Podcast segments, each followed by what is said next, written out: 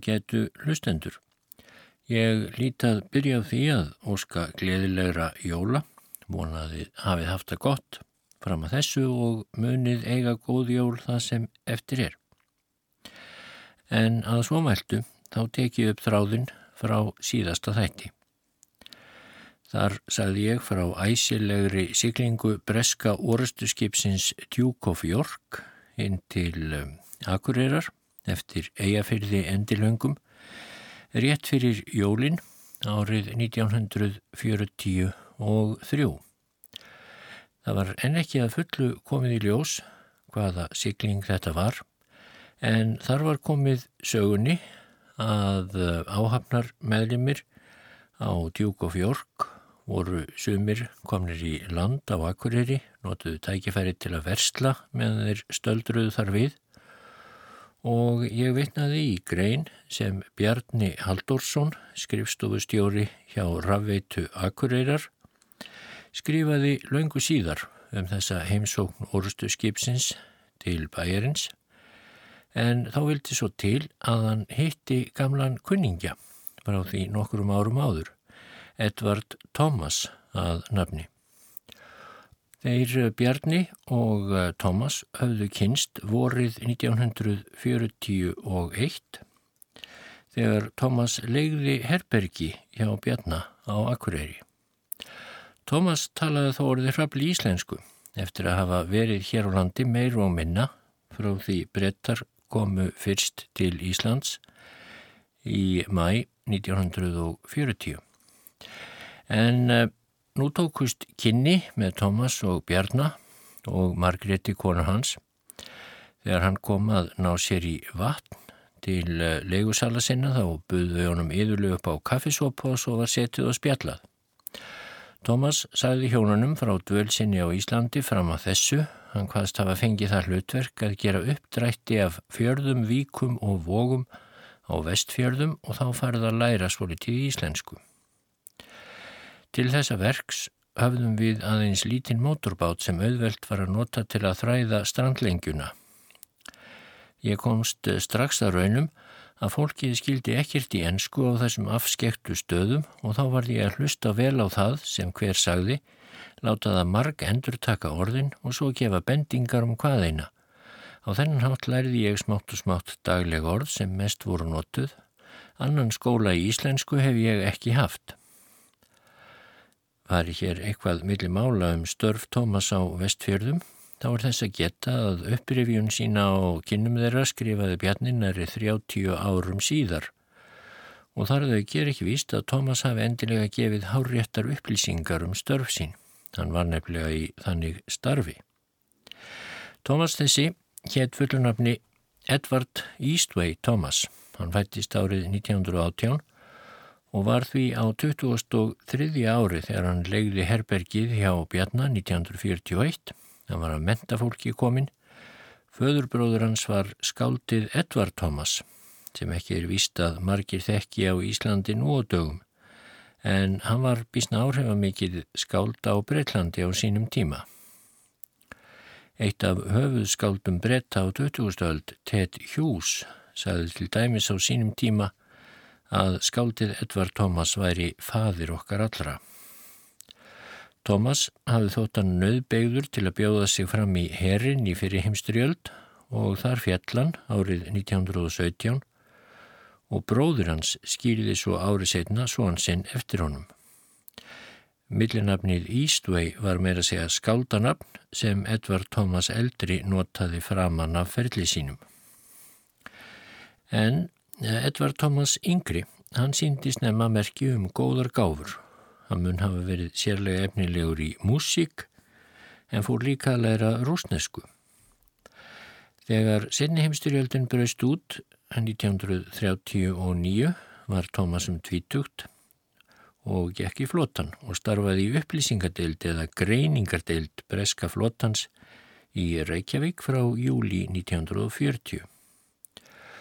Hún var strax treyst fyrir ábyrðar miklum verkefnum og geti til dæmis sem hægast hafi verið fenginn til þess af yfirbóðurum sínum í upphafi að kortleggja vestfyrði og skoða aðstæður þar en brettar komi sér þar upp strandvarða stöðum árið 1940. Og meðal annars var komið upp stuttbylgjustöð á Akureyri til að hlusta eftir og miða út fjarskipti þýskra kafbáta og Thomas hafði umsjón með þeirri stöð. Ákveði var að flytja stöðina söður, nánar tiltekið á söðurnes á Seltjarnarnesi en ekki varð á því fyrir en vorið eða sömarið 1941.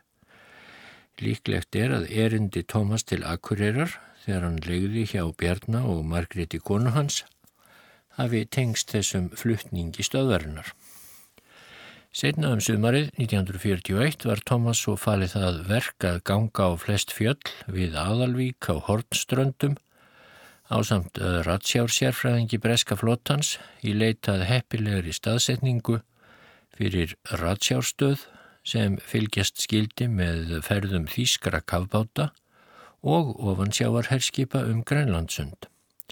En þýsk herskip notuðu þá gernan Grænlandsundið sem leið sína út á Allandshafið þar sem þau herjuðu á skipalistir bretta og eh, þá í sömarbyrjun hafði þýska orustu skipið Bismarck til dæmis farið þessa leið á samt beiti skipinu Prins Eugen. Um þetta hefur Frithór Eidal reyndar skrifað en hann átti í brefaskiptum við Tómas um starfið á vestfjörðum löngu setna eða áður en Tómas lést árið 1909 og 6. En árið 1942 átti Edvard síðan að fara til starfa í Bletsley Park við að ráða dullmálskeiti sem rituð voru með enigma dullmálsvélum þjóðurja. En brettar hafðu með digri aðstóð unnið mikið afreg við að ráða dullmál þjóðverja. Sumarið 1943 gekk Thomas svo til liðs við heimaflottan um samanleiti og aðmirállin Bruce Fraser varð æðsti yfir maður flottadeildarinnar sem kölluð var heimaflottin Breski. Frá Bruce Fraser sagði ég ítarlega í síðasta þætti.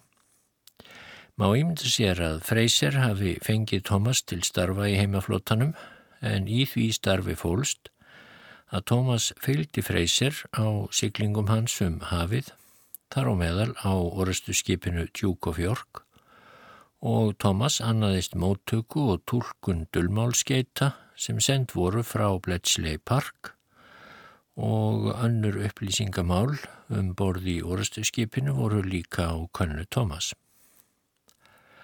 En hvað sem því líður? Þá verðu kynni Thomas af akureirsku hjónunum Bjarná og Margreti ekki laung vorið 1941 en Bjarnar fjell vel við Tómas og í grein í sunnudagsblaði Tímans sem byrst var árið 1973 þá fer Bjarni fagrum orðum um hinn sérlega snirtilega unga englending sem hafi verið hógvær og yfirlætislaus og sem kynnti sig mjög vel þann stutta tíma sem hann dvaldist í leguherberginu hjá Bjarnar ber og öllum saman um það að Tómas hafi verið prúðmenni hið mesta og afar viðfeldinn og skemmtilegur maður. Einu sinni gæt Bjarni ekki stilt sig um að stríða leiðanda sínum örlítið. Hann skrifaði í greininni í sundagsblæði tímans. Eitt sinn spurði Tómas mig hvort við hefðum einhvern húsdraug. Ég neytaði því og vildi fá að vita hvers vegna hann spyrði. Hann saðist oft heyra eitthvað þrusk undir Svefnirbergi sínu á nóttunni eins og verið væri að banka eitt og eitt högg. Ég þvert tók fyrir allan draugagang hjá okkur. En sannleikurinn var þó sá að Bjarni sá þegar í hendi sér af hverju draugagangurinn stafaði. Í litlum skúr sem var undir herbergi Thomas þar gemdi Bjarni tvær kindur og stöfuðu hljóðin sem Thomas heyrði af krafsi þeirra. En þetta sagði Bjarni Thomas ekki og leta hann því velkjast í vafa um hvaða móri eða skotta kynnu að vera á ferði í húsinu. En þá víkur sögunni aftur til Akureyrar á Þorláksmessu 1943 Eftir að orustu skipið Duke of York kom brunandi inn eigafjörð og varpaði akkerum á potlinum. Og eins og ég sagði áðan, hluti af áhöfninni fekk að fara í land á Akureyri og tók þar þátt í jólaversluninni. Bjarni skrifaði. Það var orðið mjög jólalegt í bótinni sem við kölluðum svo en það er verslunar hverfi bæjarinn sem liggur norðast í Hafnarstræti. Fólk var þegar komið í flestar verslanir til að kaupa jólagjafir en það þótt nú er þið opið til miðnættis. Af því ég átt eftir að versla lítilsáttar í bókabúð þá hugðist ég ljúka því af áður en ég færi heim. Ég byrjaði með því að ganga niður á bryggjuna og forvittnast um þegar fyrstu bátarnir frá breska úrstu skipinu kemur að landi. Það voru fjórir bátar í förum og tveir voru nú að enda við að losa úr sér en aðrir tveir komu samtímis og lögðu að á sama stað en það var við flottbryggju sem hafð var inni í kvinni fyrir smáa fiskibáta svo þeir væru fljótara að aðtapna sig. Lunning bátana var slétt við bryggjuna svo brettarnir gáttu stíð í land fyrirhafnar löst og innan tíðar voru þeir komnir á rás upp í bótina. Ég fór nú að hugsa til að kaupa jólagjafirnar en þá sá ég að ég hafði haft af mér gullið tækifæri því nú voru allar búðurnar yfir fullar af fólki og tilviljun einn hvenar maður kemist að. Þetta hefur þú fyrir forvitnið þína, hugsaði ég um leið og ég röldi búð úr búð til að sjá hvort ekki veri minna um að vera einhver staðar. Í þetta vafstur hefur farið einn tími eða svo. Lóks náði ég þó í eina bók og það var það verið nóg í byli. Ég var komin á heimleið og í bótinni var svo fullt af sjóliðum að það var ekki þverfótað fyrir þeim. Ég röklaðist út á göttuna og komst hann út á torkið. Þar heyrði ég ennsku talaða rétt fyrir aftan mig og leitum auksl. Þar stóðu þrýr sjóliðar og mér fannst strax ég kannast við einn þeirra og rétt í því rann upp ljós fyrir mér. Þetta var Edvard Thomas. Ég gekk strax til þeirra og helsaði honum. Hann varð undir eins eitt blíðu brós yfirgaf félaga sína og gekk með mér áleiðis heim til mín. Thomas sagði Bjarnar að hann vildi helst að þeir á Djúk og Fjörg fengið að vera á akkurir og kvíla sig yfir jólinn en trúðunum fyrir því um leið að ekki væri það líklegt. Þeir voru svo komnir aftur tilbaka á torkið þegar Djúk og Fjörg gaf frá sér kveld skerandi blísturs hljóð og síðan eins konar ylfur á eftir heldur ámátlegt að Bjarnar fannst. Var hljóðið miklu sterkara en nokkur sírena í slökkviliðsbíl. Tómas bráfið skjótt og sagði við Bjarnar þá er okkar jólaháttíð lokið. Flautið í skipinu þýtti að nú ættu allir að skila sér tafarlaust um borð en áður hafðu brettarnir af orustu skipinu að sögn fengiði landleifi til miðnættis. Bjarnar fannst hann sjá vonbyrgðasveip í andleiti Tómas af því að get ekki verið á akkureyri yfir jólinn og vissulega getur svo tólkun hafa verið rétt hjá honum en þó vart nema í aðra röndina. Ylfrið í einpípu Duke of York merti eins og Thomas gerði sér auðvitað fulla grein fyrir að nú hefðu borist nýjar upplýsingar sem þýttu að þegar í stað skildi haldið út til orustu, hvorki meirin ég minna. Og það við þýska orustu skipið Sjarnhorst sem beigði í fjörðum Norður Noregs.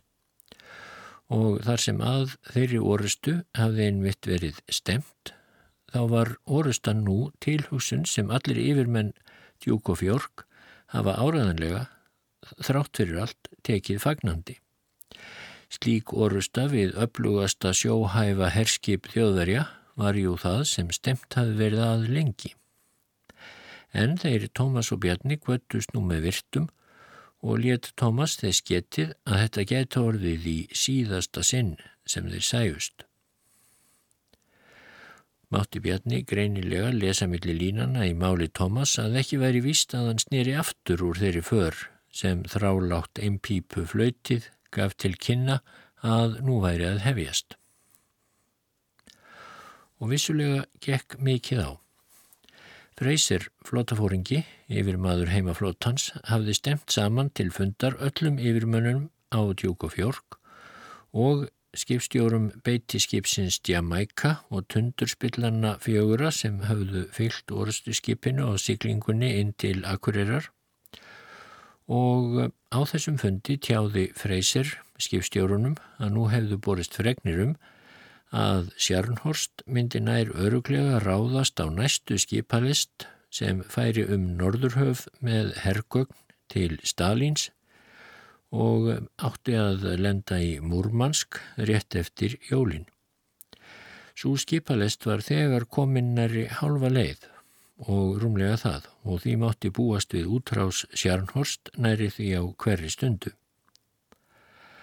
Á fundinum sem Edvard Thomas sem yfirmaður upplýsingamála í orustu skipinu hefur áraðanlega verið viðstattur, þá útlistaði Freysir þá áallun um orustu við Þíska skipið sem hann hafði verið að setja saman í huganum lengi og ætlaði að taka í brúk strax og Sjarnhorst kefi færi á sér.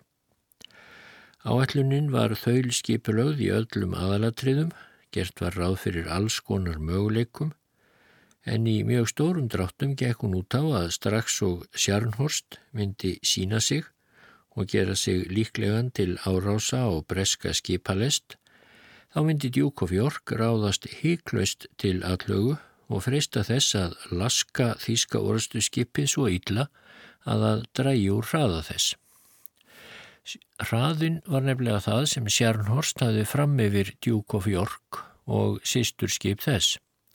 Þíska skipið gæt náð 57 km ferð á klukkustund en breska skipið komst aldrei hraðar en um það byrj 52 km á klukkustund. Það er heilmikil munur á sjó en ef Freyser og menn hans getur dreyið úr ferð Sjarnhorst með fallbissu skotrýð þá getur hinnir djörfu bresku tundurspillar síðan komið til skjálana og gert sínar frægu tundurskeita árásir á þýska orustuskipið. Og tækjust þær vel þá þurfti Sjarnhorst ekki að kempa hælurnar. Eitt þeirra sem fylgdist grant með því hvernig Freyser hugsaði og skipulagði hlutina í þaula var einmitt Edvard Thomas, upplýsingafulltrúi skipsins og Thomas let síðar svo ummælt Hugur Freysers var afar viðfemur. Hann let aðra um pappirsvinnuna og eitti mestum tíma í að hugsa um hvernig aðgerðir heimaflótans pössuðu inn í heið stóra samhengi stríðsins. Ég kom yðurlega með áríðandi upplýsingaskeiti í káetu hans og þá satt hann í rísastórum hægindastól, reykti álíka stóra pípu sína og hugsaði. Hann vildi fá dölmálskeiti og samantektir ekki bara um hafsvæðið kringum okkur á Norður Allandshafinu, heldur líka um annur svæði, en þó ekki Kirrahafið. Það var heilmikið til af dölmálskeitum, svo kalluðum ultraskeitum, um Rúslandsvíkstöðvarnar, þar sem stóðu þá miklir bardagar alveg frá því Kursk orustunni í júli til ágúst 1943 þá hafði Freyser fylst grant með því hvernig russar hófu sína óaflátanlegu sigurgöngu í vesturátt. Hann spurði mig sífælt margra spurninga um þetta og líka um innrásirnar á Sikilei og Ítalju sem framfóru samtímis og um uppgjöf Ítala sem snerti okkur beint vegna þess að ítalski flotin gafst á upp. Þegar Ultra fór svo að fjalla um umfangsmiklar æfingar orðstu skipsins Sjarnhorsts í norsku fjörðunum í desember 1943 þá varð Freyser sannfærður um að Þíska yfirstjórnin ætlaði að senda orðstu deild á vettvang gegn næstu skipalest til Múrmansk ekki aðeins til að koma í vekk fyrir að rússarnir fengju vistir, heldur líka til að þýska þjóðin fengi eitthvað annað að hugsa um en stöðuga ósigra á austurvíkstöðunum og loftára á sér bretta og bandaríkjamanna á þýskar borgir. Svo Freysir fór á dæmi Sjarnhorsts og let æfa ansi vel eftir að við fórum frá Akureyri. Þessar æfingar fór ekki alltaf fram í friðsæld. Hvað er tókust vel var ekki sísta að þakka flottaráðs fóringjanum okkar, William Rudolf Slater. Eftir orustuna sjálfa sagði hann reyndar að orustan hefði gengið alveg eins smurt og æfing nema hvað í þetta sinn hefði enginn farið í fílu eins og hendi eftir æfingarnar vegna gröfuhörku freysers. En þó Freysir geti vissulega kert menn sína áfram af nokkuru hörku þá var yfirstjórn hans þó yfirleitt talin mild og hann þótti hugsa vel um menn sína. Hann var íðurlega á ferðum orðstu skip sína að spyrja sjóliðana út úr um störfðerra og hlutskipti um borð. Og þegar hann hafði lokið fundi sínum með skipstjórunum að kvöldi Þorlásmessu á potlinum á Akureyri og hver fór um borði í sitt skip að gera klárt fyrir tafarlösa brottfur, þá varð Freysir hugsað til þess að strákarnir hans um borð áttu nú að fara að halda jól daginn eftir, einhver staður út á reygin hafi, á leið til lífshættulegrar orustu við öflugan lúmskan andstæðing og Freysir ákvaði að gera eitthvað smáræði til að auka strákunum sínum jólaskapið. Áður en flotin let hér úr höfna á Þorlákskvöld sendi flotafóringin bóð til sér að Fridriksjóð Rafnars, vikslubiskups á Akureyri og óskaði þess að hann gerði sér og mönnum sínum þá gleði að kveikja ljós í kirkjunni hér á hæðinni. En svo sagði í grein í degi sem byrtist árið 1953 og tilgangurinn með því að kveikja ljós í kirkjunni væri sá að bresku sjóliðunum gefist kostur á að sjá uppljómað Guðshús áður en þeir hirfa á hafút því að ekki myndi tækifæri til jólahalds. Var þetta gert og seildi flotin úr höfn litlu síðar og sáu skipsmennir bresku þá ljósinn í kirkjunni í skamdegismirkrinu er þeir hurfu hérðan brott. Laungu síðar fekk vikslubiskuppin skilabóð frá flótafórungjanum þar sem hann lísti þakklæti sínu fyrir ljóstendrunina og leta fylgja með að henni hefði fylgt styrkur og heill. Sömu sögu hafðu að segja skipsmenn á norska tundurspillinum Stord sem hingað komu að lokinni orustunni en Stord var í orustudeldinni Bresku. Friðrik Ragnar Víkslu biskup, hann var ekki ókunnugur breskum flótafóringjum. Því sögu akkurirar kemur fram að um þetta leiti hafi hann tvívegis verið bóðinn borði í brest orustuskipa á potlinum og þegið matarbóð með yfirmanni bresku orustudeildarinnar. Þar var raunar ekki um brús freysir að ræða, heldur Henry Ruthven Moore, næstráðanda freysers hjá heimaflótanum. Múr kom fjórum sinnum til Akureyrar á orðastu skipinu Ansson haustið og í vetrarbyrjun 1943. En þarna stemdi sem sagt breska flótadeildin aftur burt af podlinum og síðan út eigafjörð.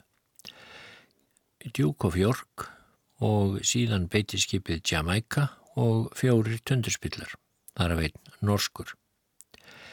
Það var sjón að sjá orustuskipið. Duke of York var eitt af fimm nýsmíðuðum breskum orustuskipum. Það fyrsta hétt King George V og var tekið í notkunni í oktober 1940.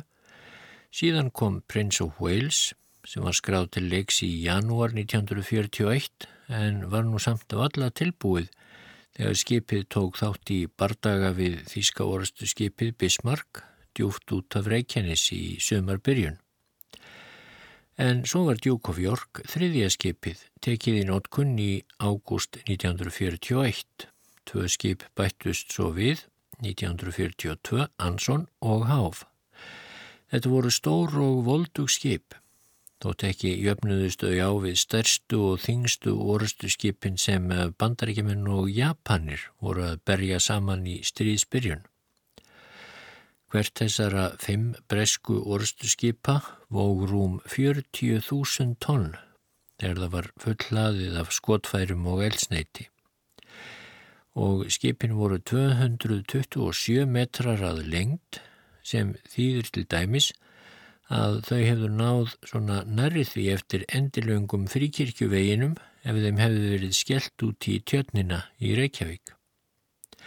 En ef þau hefðu verið sett upp á endan, efst á skólaverðuholti, þá hefðu þau verið á við þrjá Hallgrímskirkjuturna, hvern og hann á öðrum. Breitskipana var rúmir 30 metrar sem er ámóta og landakotskirkjuturna á hæðina. Brynvörn var næri 40 cm þygt sérlega styrt stál þar sem mest var. Fjórar gufuturbínur, gnúðar olju, voru alls 110.000 hestöfl og drifu þennan nýðhunga brindreika áfram á sem sagt 52 km hraða og klukkustund þegar best létt. 28 hnúta hraða eins og sjómenn nefnduður endar. Aðalbissurnar í skipinu voru með 35 cm hlaupvít. Þær voru tíu talsins um borði í þessum skipum og vörpuðu 720 kílóa þungum sprengikúlum, alltaf 35 km vegalengt sem er svipað og ef skotið væri frá áttónsbrekkunni í Reykjavík og hálfa leiðina milli hveragerðis og selfoss þótt nákvæmnin væri kannski ekki mikil þegar fjarlægðin var orðin slík. Fullt af öðrum fallbissum og stórum vélbissum var líka um borði í skipunum. Þessi skip voru gríðarlega floknar vélar og það þurfti mikinn mannskap til að keira þau áfram, sinna vélunum, skjóta úr bissunum, vinna almenn hásettastörf, gefa mannskapnum að borða, fljúa sjóflúvélunum fjórum sem um borð voru og stjórna svo öllu saman. Næri 1500 manns voru í áhefn Duke of York þegar skipið varpaði akkerum á podlinum á Akureyri sem þýðir meðal annars að íbúum á Akureyri hafði fjölgað heldur betur meðan orustu skipið og fylgdarskip þess stóðu við. Um þær myndir voru 5500 íbúar skráður á Akureyri en um borð í herskipunum 6 voru hátt í 3200 manns þar að segja meira en helmingur af íbúum akkurirar. En nú voru þeir að sigla til Hafsá ný og það sem hér var í þann vegin að gerast þegar flotatild Freysers stemdi nú út eigafjörð á sama hraða og hún hafi komið þótt mið nóttu væri, það var korki meirinni minna, en síðasta stór orustan í Norðurhöfum sem stóð fyrir dyrum og í reynd síðasti bardagi stóra orustu skipa hvors við annað í sögunni. Í einni sjóorustu í Kerrahafstríðinu árið 1944 áttu orustu skip Japana og bandaríkjamanna eftir að skiptast á skotum en svo aðgerð var aðeins lítill hluti mikillar orustu sem í raun réðst af allt öðrum hlutum. Í þeirri orustu sem nú fór í hönd Hjá skipinu sem stemdi út í eigafjörðin var það hins vegar slagkraftur orustu skipana sjálfra, þessara úreltu risaðila sem sömur töldu vera sem öllu reið. Þíska orustu skipið Sjarnhorst sem Duke of York átti nú að berjast við var síðasta nothæfa þíska orustu skipið í Noregi eftir að rísa orðstu skipið Tirpitz hafði verið laskað yllilega af dvergkafbátum þá um haustið. Þetta var allt hluti af mikilli sögu. Strax og Þískaland réðist inn í Sovjetríkinn í júni 1941 þá hafði Winston Churchill fórsættist ráð þeirra bretta ákveðið að þrátt fyrir ákafa andstöðu sína fyrrum við kommunista stjórn Stalins í Sovjetríkinum þá skildu brettar nú ganga í náið bandalag með sovjetmönnum svo hvor aðli hjálpaði hinnum að sigurast á Hitler og henni þýsku innrásarókn. Í því fólst meðal annars að senda sovjetmönnum það sem brettar höfðu aflögu af herrgögnum á þeim tíma en það fór uh, sovjeski rauðiherrin mjög halloka fyrir uh, þjóðverjum þá um sömarið 1941. Sjörssil sá í hendi sér að einfaldast væri að senda herrgögn með skipum um Norðurhöf. Norður fyrir Norreg þar sem þjóðverjar sátu þá með flugvélar og kafbáta og skildu skipalestinnar Bresku lenda í mist í Múrmansk á Kólaskaga eða í borginni Arkangelsk sem stendur við Kvítahafið. Og í þessum siglingum myndi Ísland óhjákvæmilega koma mjög við sögu sem áfangastadur bæði kaupskipana sem sigildu með varningin til Stalins og þeirra herskipa sem feildu þeim. Sjörsel vildi líka bindast nánum samtökum við bandaríkimenn og þetta viðburðaríka sumar 1941 hafði hann tekist að fá Rúsveld bandaríkjaforsetta til að taka að sér herrvernd Íslands eins og það var kallað. Bandarískur herr kom þá að hinga til lands í fyrsta sinn.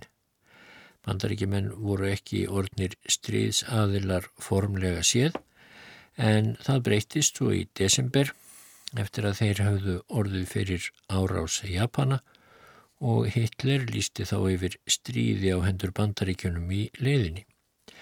En þarna um sumarið þá hafði Sjörssil farið yfir hafið til Nýfundnalands til skrafs og ráðagerða við Rúsveld. Hann sildi þá einn mitt á orustu skipinu Duke of York og kom svo við á Íslandi á bakaliðinni. Þetta var í ágúst 1941 sem sagt og þá þegar voru að hefjast siglingar bretta með herrgögn til Stalins og lagt upp frá Íslandi. Framan af vetri 1941 til 2 léttu þjóðverjar þessar siglingar að mestu eiga sig en uh, þær eruðu sífælt umfangsmeiri, skipunum í skipalestunum fjölgaði og þá fóru þjóðverjar að ókýrast og gera æg harðari árásir á skipalestirnar. Vorið og sömarið 1942 geysuðu óurlegir bardagar í Norðurhöfum þar sem þjóðverjar teltu fram flugvélum, kafbátum og ofansjávarskipum en brettar vörðust með herskipum sem mörg höfðu aðsetur á Íslandi eða notuðu Ísland sem bækistöð. Þá um sömarið varð svo mikið tjón á skipalestunum að þeim var hægt en hófust aftur um haustið 1942 og svo undir árslokk. Í februar 1943 lögðu brettar og bandaríkjumenn skipalestirnar aftur á hilluna. Þeir hefðu einfallega of mörgu að sinna þá. En þetta allir mikilli reyði Stalins. Hann krafiðst þess sífelt að skipalestunum meirði haldið áfram af krafti. Það var ekki bara vegna þess að hann fekk lífsnöðsynleg hergögn með skipunum að vestan heldur vildan einfallega sjá merki þess að bandamenn hans gegn Hitler vildu leggja eitthvað á sig. En þessi missirinn voru bandaríkjumenn enn að þjálfa og undirbúa hersinn og lögðu enn sem komið er lítið til beitna átaka gegn Hitler en sovjetmenn færðu í sífellu óurlegar fórnir á Östurvíkstöðunum. Og í november 1943 þá hafði verið ákveðið að hefja skipalestirnar til Rúslands aftur og þá hafði líka verið ákveðið að ef færi gefist þá ætti Brús Freyser með heimaflottan að leggja til orustu við Sjarnhorst sem beigði í dimmum fjörðum Norregs eftir því að skipalestir gefu færi á sér. Í september 1943 hafði Dudley Pound, flotafóringi og allra eðsti yfirmaður breska flottans, þar að segja First Sea Lord, sagt af sér ennbætti vegna helsubrests. Hann var þá döðvona og andaðist í óttúber. Sjörssil sem var flotamálur á þeirra og jáframt í að vera forsætistar á þeirra bretta stóðu nú frammi fyrir því að skipa eftirmenn hans. Tveir menn komu til mála. Andrew B. Cunningham sem stýrt hafði breska flottanum í miðjarðarhafi við mikinn orðstýr og svo Bruce Fraser yfir maður heimaflottans. Hann hafði unnið með Sjörssil í flottamálaðaráðunettinu fyrir stríð. Sjörssil líkaði vel við hann og bauðan um því starfið. Í minningum Sjörsils segir að Fraser hafi hafnað bóðinu kurtislega og mælt með Cunningham. Ég trúi að ég hafi traust heimaflottans hafði Sjörssil eftir Freysir en Cunningham hefur traust alls flottans, varð svo úr að Cunningham varð fyrsti sælávarður. Í viðtali við æfisögurittara sinn löngu síðar rakti Freysir þessar samræður þeirra Sjörsils en segist þá hafa bætt við Ég hef ekki einu sinni háð orustu en þá. Ef ég myndi kannski einn daginn sökva sjarnhorst, þá tæk ég kannski annan pól í hæðina. Þar að segja, er þið reyðubúin til að taka að sér starf æðsta yfirmanns breska flótans. Ekki er gott að segja hvort Sjössil kunni ekki við að nefna þessi orð Freysers þegar hann skrifaði um tilbóðið sem hann gerði yfirmanni heimaflótans eða hvort Freysir bætti þessu bara inn í minningar sínan setna meir af því þetta hafa hann verið að hugsa þótt hann segði það kannski ekki upphátt. En hvort heldur var, þá sínir það að þótt Freysir væri hæglátur og óáleitin á yfirborðinu, þá var metnaður hans að standa sig mikill og það voru hann persónlegt keppikepli að ráða niðurlögum sjarnhorsts í orustu nú þegar Tirpitz var úr leik að minnstakosti um skeið. Og nema hvað, til þess hafðan verið skipaður yfir heimaflottan að sigra þýskaflottan. Á meðan á öllu þessu stóð var eins og Freysir fylgist svo vel með um borði í skipi sínu, aldeilis farða Hallandan fæti hjá þjóðurum. Þeir vörðust að vísu af kappi á Ítalju Ítalir höfðu gefist upp þegar innrás á meginland þeirra hóst í byrjun september en þjóðverjar vörðu hardsóttir á skaganum. Á Östurvíkstöðunum fengu þýsku hersveitirnar hins vegar litla röndið reist. Sovjetmenn sóttu fram á nærri allri viglínunni, allt frá Novorossísk við Svartahaf í söðri, sem Rauðiherrin náði allri um miðjan september, til Smólensk í norðri sem sovjetmenn náðu í byrjun oktober. Eftir harðabardaga fjell sjálf höfuðborg Úkrænu, Kíef, í hendur Rauðahernum í desember. Það var mikilvæg stund fyrir alla sovjetmenn og síndi að stríðskæfan var nú þeirra. Þjóðverjar trúðu því að sannu ótrúlega margir en að Hitler tækist að snúa tablinu sér í vil aftur með einhverjum leinivopnum ef ekki vildi betur til, en það var þó ekki kátt yfir neinum þjóðverja þegar leiða jólum 1943. Og því var það sem ákveðið var að tefla fram Sjarnhorst ef færi gæfist á skipalist til að létta lund þjóðverja ofurlítið með fréttum af glæsilegum sigri. Ákveðu var í desemberbyrjun að strax og vartirði við nýja skipalest á leiðinni frá Íslandi til Norregs þá erði Sjarnhorst sendur af stað á samt svo mörgum tundurspillum sem til reyðu væru. Híklust ætti að ráðast til allögu og rétt eins og Freyser hafði álíktað þá átti tilgangurinn sem sagt ekki síst að vera að gleði að dapra þjóðverja sem fengu fátnum að vondarfréttir þessa dagana og til heiðurs einum þýsku hetjum sem ein jólin enn máttu berjast upp á líf og dauða við grimman andstæðing og heljarklær rúsneska vetrarins í senn, þá var ákveðið að aðgerðin, hinn vantanlegi stórsigur Sjarnhorst á stórri skipalest, ætti að heita Óstfront, Östurvíkstöðarnar. Gallin var sá að eftirlit þjóðverja var þá orðið svo slægilegt í norður Íshafinu að þeir vissi ekki einu sinni af því að skipalestinnar væru þegar byrjaðar siglingar. Lest sem kvöldu var Jóð 254a hafði lagt upp frá Skotlandi um miðjan november en þjóðverjar hafði ekki hugmyndum hana nýja heldur þegar svo næsta sigildi viku setna Jóð vaf 24b og þannig komist 34 kaupskip fullhlaðin stríðskossi handa Stalin alveg óhindruð til Múrmansk. Freysir var hins vegar vissum að nú hliti að fara að koma því að þjóðverjar fyndu skipalhest og réðust á hana. Þegar Jóð 255a lagði af stað frá Liverpool hinn 12. desember og sildi upp að Íslandströndum og svo áfram norður í höf, þá var Freysir tilbúin. Nú skildi hann ekki aðeins verjast hinn í næstum óhjákvæmilegu árás Sjarnhorsts á lestina, heldur skildi hann ganga bynd á hólm við þann þíska og honum sínt í tvo heimana. Í þessari lest voru 19 stórflutningaskip og uh, fylgdarskipadeild hennar var öflug.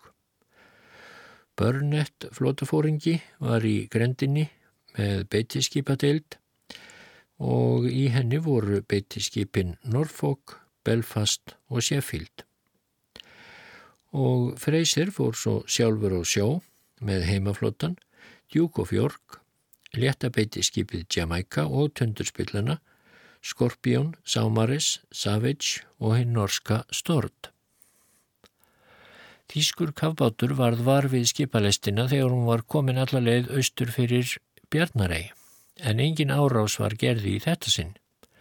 Þjóðverjar voru þrátt fyrir allt ekki tilbúnir með óstfrónt áætlunina og Sjarnhorst held í kyrru fyrir í alltafyrði þar sem var helsta flottastöð þjóðverja í norður Norri.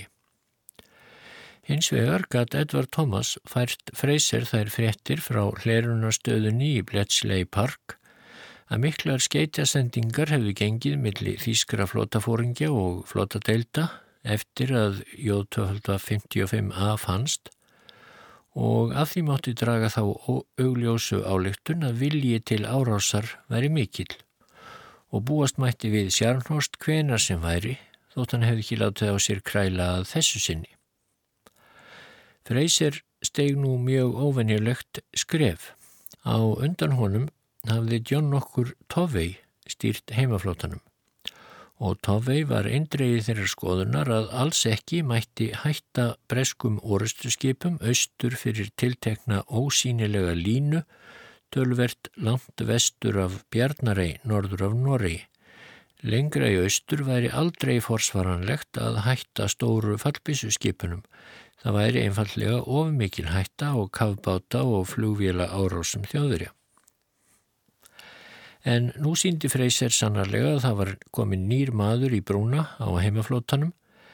Hann let sér nefnileg ekki næja að fylgja jóð 255a úr fjarlægð að henni ósýnlegu línu tófeis og halda þaðan fljótlega til akkurýrar eða kvalfjörðar eins og tófei hefði jafnan gert við þessar aðstæður heldur brunaði freysir áfram og var allt í einu mættur úti fyrir ströndum sovjesku hafnarinnar í Venga, rétt hjá Múrmansk, inn 16. desember meðan skipalistin var enn á siglingu.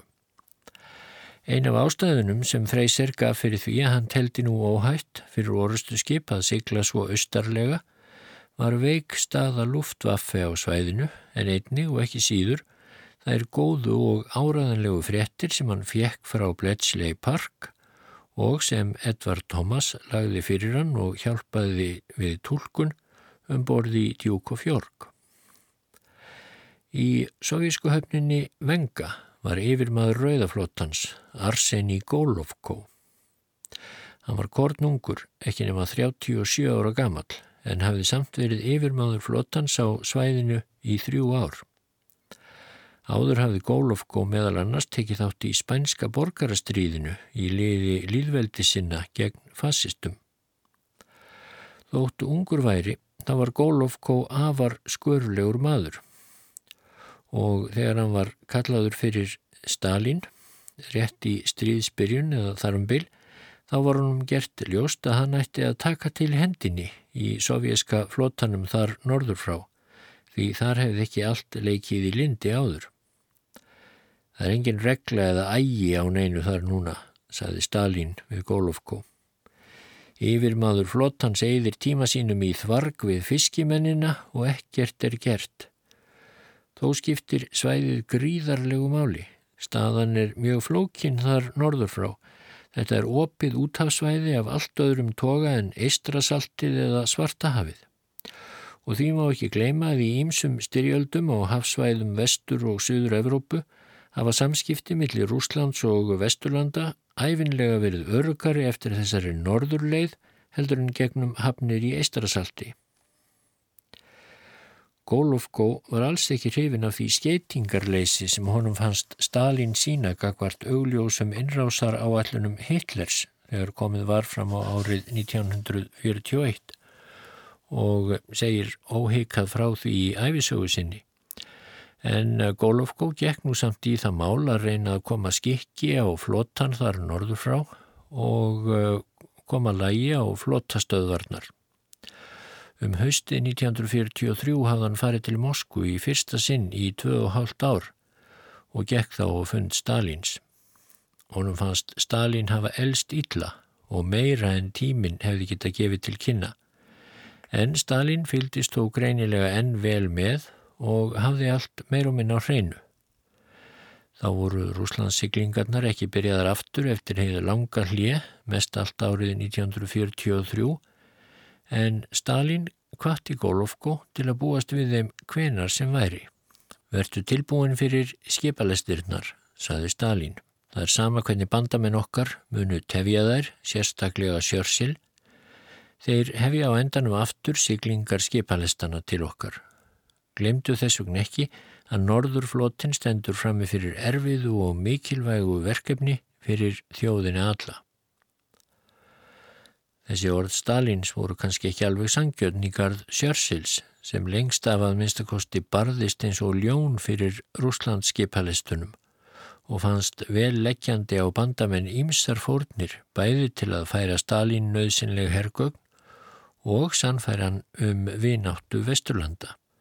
En þótt Gólovko triði náttúrulega orðum Stalins, það var jú bynniðnis skilda í Sovjetríkunum, og byggist því við skipalestum sem líka fóru fljótli af stað þá bjóst rúsnæski flótafóringin þó sannarlega ekki við að sjá allt í einu fullbúið splungu nýtt brest orustu skip fyrir utan höfnina sína litlu í venga.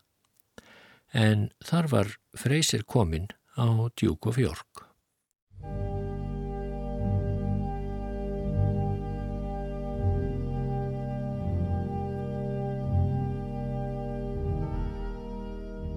Orustan er ekki einu sinni hafinn. Hvað var Freysir að gera til Rúslands og af hverju ættan svo til Akureyrar? Frá því öllu saman segir í næsta þætti en hann verður ekki fluttur fyrir ná næsta ári.